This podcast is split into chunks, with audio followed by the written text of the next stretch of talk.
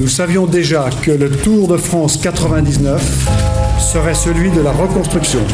3 juli 1999 gaat de geschiedenis in als de dag van de wederopstanding van de Tour.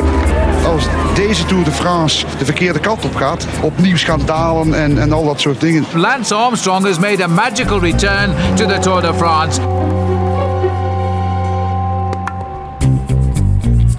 Radio Tour de France verslaggever Steven Dalebout onderzoekt hoe de tijd onze kijk op de wielergeschiedenis verandert. In een nieuwe aflevering van Toch nog een Tour. Toen de Tour de France van 1999 werd verreden, was ik als 17-jarige jongen met totaal andere dingen bezig. Als ik nu aan die Tour terugdenk, schieten me twee dingen te binnen: doping en Lance Armstrong. Maar dat is natuurlijk wat te kort door de bocht. Wat is het verhaal van die Tour van 99? Om dat te weten te komen, bel ik met Armstrong zelf.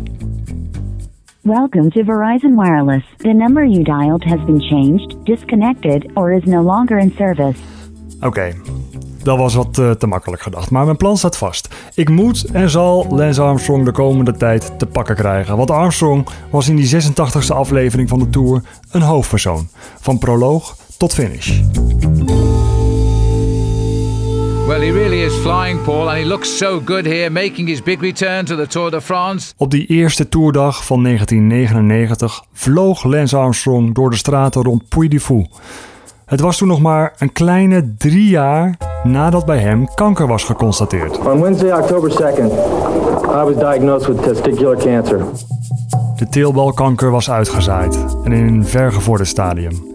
Eigenlijk had Armstrong geen schijn van kans. Maar de behandeling deed zijn werk. Armstrong raakte kankervrij en begon zelfs weer met trainen. He hasn't been here for a couple of years because of his illness, but he's back now. Armstrong had voor zijn ziekte al vier keer eerder met de Tour meegedaan, maar toen niet als klassementsrenner. Nu, op de dag van zijn comeback, wint hij meteen. Well, he's been scorching it all the time, checks. What a comeback this could be. There's only two men behind him now. Nou, dan is Lance Armstrong de winnaar van deze proloog. Lance Armstrong has made a magical return to the Tour de France. En hoeveel zullen hem dat gunnen? Ik denk een ieder.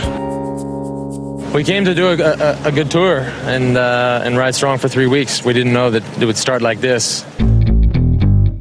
Ik probeer me nu, 20 jaar later, te verplaatsen in de journalisten en de toeschouwers die Lance Armstrong in Puy-de-Fou zagen winnen.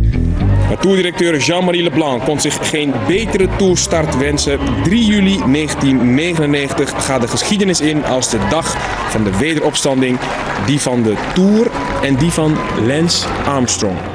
Ze waren getuigen van wielergeschiedenis. De proloog betekende een enorme comeback voor die sympathieke Amerikaan Lance Armstrong. Hij was voor de dood weggesleept en won hier een toeretappe. Op 3 juli 1999 moest je wel een erg grote zuurpruim zijn om daar je twijfels over uit te spreken. Dit is het beste wat uh, het huidige wielrennen kan overkomen. Er valt dan ook geen onvertogen woord. Al helemaal niet bij Armstrongs voormalige ploegleider Henny Kuiper.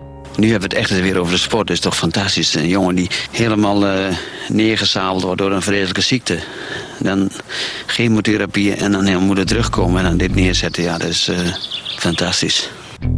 Na een verhitte week, waarin het alleen maar over doping was gegaan, omarmden de wielenvolgers na die proloog massaal het heldenverhaal van Lance Armstrong. The Tour de France has wasted no time in finding itself a new hero. Het begin wellicht van een schone tour na een jaar vol ellende.